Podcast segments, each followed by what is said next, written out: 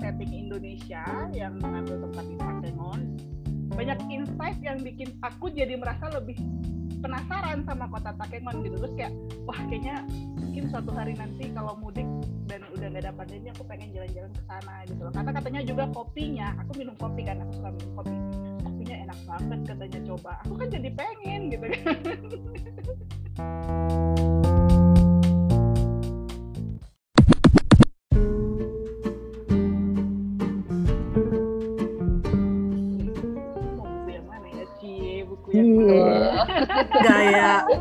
tumben tumben.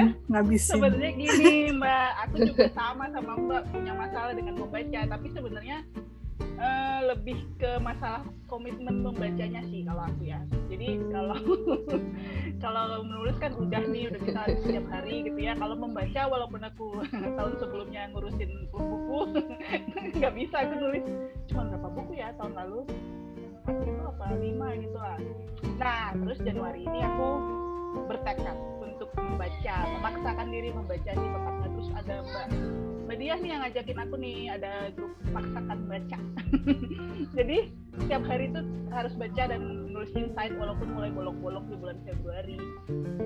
Terus aku tuh sebenarnya tipe pembaca uh, eh, non fiksi tadinya sekarang sih masih juga sih. Cuman kan baca buku non fiksi itu berat. Harus.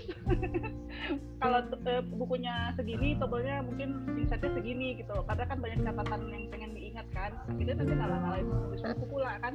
Akhirnya aku memaksa sendiri nyari buku fiksi buku buku fiksi yang pertama aku baca itu bukunya dapat dari ada satu komunitasku yang lain. Ada juga sih di Gramedia Digital. Damar Hill judulnya aku cerita itu aja deh kayaknya itu ceritanya menarik karena settingnya di Takengon ada yang tahu Takengon itu di mana? Gak ada yang tahu. Karena ternyata rasanya familiar loh. Rasanya familiar itu tapi di mana ya? Takengon itu di mana? Karena waktu aku nulis di Ta Takengon itu kan di daerah ya, maksudnya dia di Indonesia juga gitu. Ya, tapi tapi di Nah, banyak yang nggak tahu Takengon itu ada di Indonesia bahkan kalau dari pembaca blogku terus baru tahu oh Takengon itu di Indonesia. Oh, itu ada di Aceh gitu di dataran tinggi Gayo di Aceh di utara dekat titik lah kali ya Aceh. Aku belum pernah ke sana. Aku tuh aslinya dari Medan sebenarnya, tapi aku belum pernah ke Aceh, belum pernah ke Padang. Di Medan lompat langsung ke Jakarta waktu itu. Eh, ya langsung ke Bandung malah dulu. Jadi jadi menariknya karena biasanya kan kalau novel-novel yang ada di media digital atau ya ini mungkin jenis metropop juga kali ya tingkat metropop sih. Ya itulah. Kebanyakan settingnya Jakarta gitu kan settingnya kantor gitu gitu kan. Kalau ini settingnya di sebuah rumah penginapan yang tokoh utamanya ini librarian mantan librarian karena ceritanya dia diberhentiin kerja karena satu dan lain hal kayaknya library-nya tutup perpustakaannya tutup. Kan jadi kan menarik ya jarang-jarang kan pembahasan orang yang suka baca buku gitu di dalam buku gitu. Terus tokoh yang laki-lakinya itu ceritanya punya coffee shop.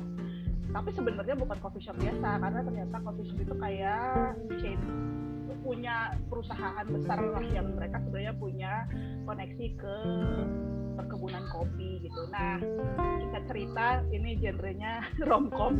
Eh, nggak tahu sih nggak nggak terlalu komedi sih sebenarnya. Tapi kalau aku membayangkan di filman itu kayak romcom ya. Si cowok datang ke Takenon karena waktu si cewek ini ngopi, memang setting awalnya di Jakarta nih. Si ceweknya ngeletakin kayak brosur penginapan namanya Damar Hill. Terus sedangkan si cowok itu memang sedang berencana mau nyari perkebunan baru buat menyediakan kopi di perusahaan mereka gitu. Jadi ini mainannya bukan bukan warung kopi kecil sebenarnya, mainannya ceritanya ternyata perusahaan besar yang punya banyak akses ke kebun kopi gitu deh. Nah pas lihat tuh ini penginapannya menarik gitu, terus dia pergi ke penginapan itu dan ternyata si cewek ini karena udah nggak punya kerjaan dia pulanglah ke penginapan itu. Gitu gitulah kalau romansnya udah ketebak lah ya. Yang menarik lagi dari cerita itu selain cerita tentang situasi di Takengon yang ternyata di tepi danau dengan ya kayak kita tuh kayak jalan-jalan di bawah Takengon gitu. Katanya penginapannya tuh menghadap ke danau yang berwarna keperakan wah itu tuh aku tuh sebenarnya nggak kayak gitu bisa sih dalam hal membayangkan uh, fiksi. Makanya aku jarang baca fiksi. Tapi dia buku itu berceritanya lumayan berhasil membuatku meneruskan membaca sampai selesai. Ya jadi untuk cerita setting Indonesia yang mengambil tempat di Sakengon dengan memperkenalkan produk-produk dari Sakengon yang bukan cuma kopi aja tapi juga dia juga menceritakan misalnya ada kebudayaan balapan kuda gitu di Sakengon itu gitu. Terus ada kayak apa ya banyak insight yang bikin kita aku jadi merasa lebih penasaran sama kota Takengon gitu. Terus kayak wah kayaknya mungkin suatu hari nanti kalau mudik dan udah nggak dapat aja aku pengen jalan-jalan ke sana gitu. Karena katanya juga kopinya aku minum kopi kan aku suka minum kopi. Kopinya enak banget katanya coba. Aku kan jadi pengen gitu kan. Ya gitu. Dan ceritanya aku nggak bisa menceritakan tanpa terlalu eh bukan ya? Aku nggak pengen terlalu banyak spoiler. Tentu kalau nyari fiksi yang pengen kayak jalan-jalan.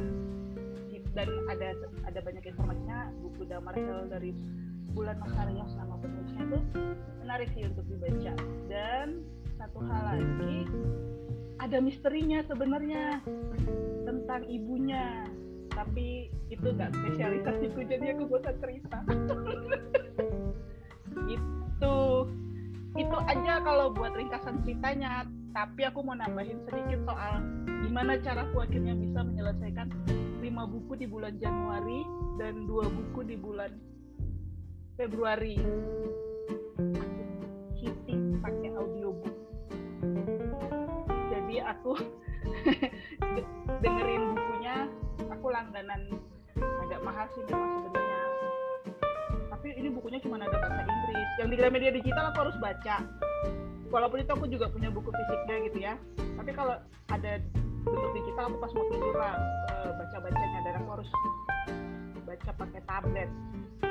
Kalau yang aku dengerin tuh pakai Scribd dia ada versi audiobooknya ada versi bukunya umumnya yang aku dengar tuh buku-buku bahasa Inggris. Jadi aku dengerin pas aku cuci piring pas aku jemur pas aku ngurusin cucian yang gitu-gitu loh ya. Jadi kalau ada bagian yang memang kan kalau nggak dengerin kadang suka nggak konsen gitu ya. Bagian yang aku nggak jelas itu aku balik lagi baca teksnya gitu. karena dia juga ada e-booknya juga gitu. agak bolak balik sih jadinya tapi ya I have to do what I have to do. Kalau nggak aku nggak akan jadi jadi membaca itu kalau yang bulan ini aku berhasil baca dua buku aku baca buku bahasa Indonesia. Itu minjem tablet pak suami. Bacanya bisa cepet itu jadi memang itu antara lain menerapkan tahu harus baca buku. Kalau nggak baca buku nggak tahu mau nulis apa gitu kan. Jadi aku memaksakan diri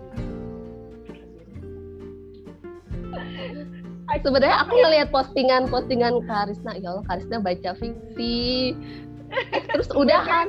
uh, uh, terus udahan. Eh terus baca lagi. Ih banyak banget bacanya. Iya karena aku agak terwow-wow gitu. Jadi saya saya jadi tertarik nih Karisna karena pertama saya juga suka minum kopi dan itu kopinya malah kopi hitam. Satu. Yang kedua kalau kopi Aceh lumayan sering diminum karena keluarga suami dari Aceh. Hmm. dan kalau disuguhkan kopi itu eh, mereka akan menyajikan kopi hitam itu dengan sedikit garam. Oh. jadi experience baru tuh ya. Oh, nggak disebut uh, kopinya itu ditaburi garam sedikit gitu Yeah. Ini harus jadi harus ngerasa harus punya nih karena belum belum ada pengalaman ke Aceh juga walaupun udah 17 tahun. Iya, coba coba cari deh bukunya Damar Hill itu. Itu di mana, Pi? Di Ipusnas apa Gramdik? Ini di Ipusnas nih. Nah, Ipusnas ada tuh, makanya. Di Ipusnas dan available ada banyak. Iya, itu, sekarang. itu sebenarnya aku punya buku fisiknya, cuman kan kalau baca buku fisik itu aku harus cari kacamata dulu baru bisa baca. Masa sih? iya, nggak bisa lagi kalau nggak ada kalau nggak ada kacamata. Aku kan kacamata cuma dipakai kalau butuh gitu, kalau main komputer sama baca. Sisanya itu aku malas pakai kacamata gitu. Jadi kalau mau baca pas lagi pegang buku terus nggak ada kacamata tuh males nyari kan nah, akhirnya baca di handphone tapi di handphone itu karena formatnya Gramedia digital itu kan PDF ya harus sibuk kita zoom zoom gitu kan harus digedein gitu biar bisa kelihatan bagus kan akhirnya aku minjem tablet lah biar biar lebih enak bacanya gitu Ini lumayan loh kak, 300 halaman. itu aku baca seminggu tiap hari Mm. nulis insight dipaksa Mm. sama maksakan maca Dipaksa sama Mbak Dia. prestasi Jadi itu ya, jadi eh, baca, terus ditulis insight-nya gitu ya. ya. Hmm, Oke oke, ini baru nih. Akan jadi akan baru. Iya, jadi ya aku pas lihat juga pikir wah bagus juga nih gitu. Cuma kalau itu kalau non fiksi itu berat banget buat nulisnya tuh. Karena kadang-kadang ah tanggung ini dikit lagi dikit lagi gitu kan. Terus tau udah aduh ini udah kebanyakan gimana nulisnya. Eh tapi Karisma tadi kan kalau dengerin ya kan bacanya audio ya. Terus kalau ada bagian yang kayaknya nggak ngerti balik lagi di teks itu di aplikasi yang sama nggak? Iya, di Scribd itu ada ada versi Ah oke. juga. Tapi sebenarnya ya kadang-kadang harus nyari sih. Kan kita inget ya udah bab berapa gitu ya. Harus nyari nyari. Tadi udah bab berapa ya langsung ke halaman yang itu nyari oh ini gitu. Jadi maju mundurnya gitu. Dan tapi ya, jadi ada dua gitu loh ada dua versi teks Iya, sama kan- audio gitu. tantangan terbesarnya tuh milih bukunya soalnya bukunya banyak banget kan. Semua kayak gue pengen baca ini tapi yang ini juga menarik ya kayak macam-macam buku Atomic Habit buku ya segala buku self help yang biasanya aku baca tuh ada di sana. Tapi aku tahu kalau aku baca itu ya susah banget nulis insightnya bakalan gitu. Gue kan targetnya sekarang pokoknya sebenarnya orang bilang kan yang penting kan konsistennya gitu kan. Tapi apa aku pikir kalau buku selesai kan lebih enak ya lebih ada kepuasan daripada buku buku apa istilahnya yang dibilang orang buku bagus tapi kita nggak selesai-selesai bacanya gitu kayak ada rasa bersalah gitu Itu motivasi juga sih emang sih.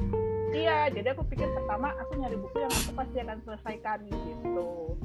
Baru eh, jadi aku nyari buku sengaja yang harus menarik gitu loh. Kalau nggak menarik pasti nggak akan kan. Kayak buku buku Marie Kondo gitu gitu nggak selesai karena aku males menerapkannya. Tadi kemarin baca juga buku yang Clutter House Free gitu atau atau apa gitu judulnya. Aku pikir oke kali ini aku akan membereskan rumah gitu nggak kejadian jadi aku drop ini bukan loh sama kayak kata buku di coach tadi ya. Pertama kita tahu kemudian kita menyetujui. Jadi aku udah ta- tahap tahu. Udah tahap menyetujui. Tapi belum sampai di level Aplikasinya. Itu saya kalau kalau punya buku resep kayak begitu. Nah, Kadang-kadang tuh berselancar gitu. Di apa cookpad itu ya lihat lucu-lucu gitu kan enak-enak kelihatannya. Tapi akhirnya berakhir jadi koleksi aja ya begitu. Ya milih buku tuh susah banget. Susah banget. Karena ya itu aku aku langganan media digital langganan CPD punya buku cetak juga banyak banget buku buku bacaan anakku. Jadi oh ada satu lagi aku baca buku juga. Kadang-kadang buku anak-anak. Bukan buku anak-anak buat Joshua sih buat yang anak yang lebih besar yang umur 11 tahun gitu. Jadi eh, fiksi anak-anak tapi fiksi agak-agak remaja dikit gitu. Masih nggak nggak terlalu susah jadi jadi saya tuh nggak nggak begitu suka buku fiksi juga. Maksudnya gimana ya? Nggak nggak nggak begitu suka deh gitu. Tapi eh, buku-bukunya Paulo Coelho itu saya suka. Bener nggak sih Ya. sebut namanya tuh? Hmm. Terutama yang paling berkesan tuh The Alchemist. Itu asal, asal yang benar ngerti bener mbak. Aku juga aku juga dulu udah baca yang Paulo Coelho itu di Alchemist terus eh, tapi aku nggak selesai yang ada Veronica Decides to Die Itu aku nggak selesai ya ada ada sih ya momen-momen yang buku-buku yang judul-judul beliau tuh yang saya juga nggak paham udah diulang lagi nggak paham-paham juga. Lupakan lah kalau gitu ya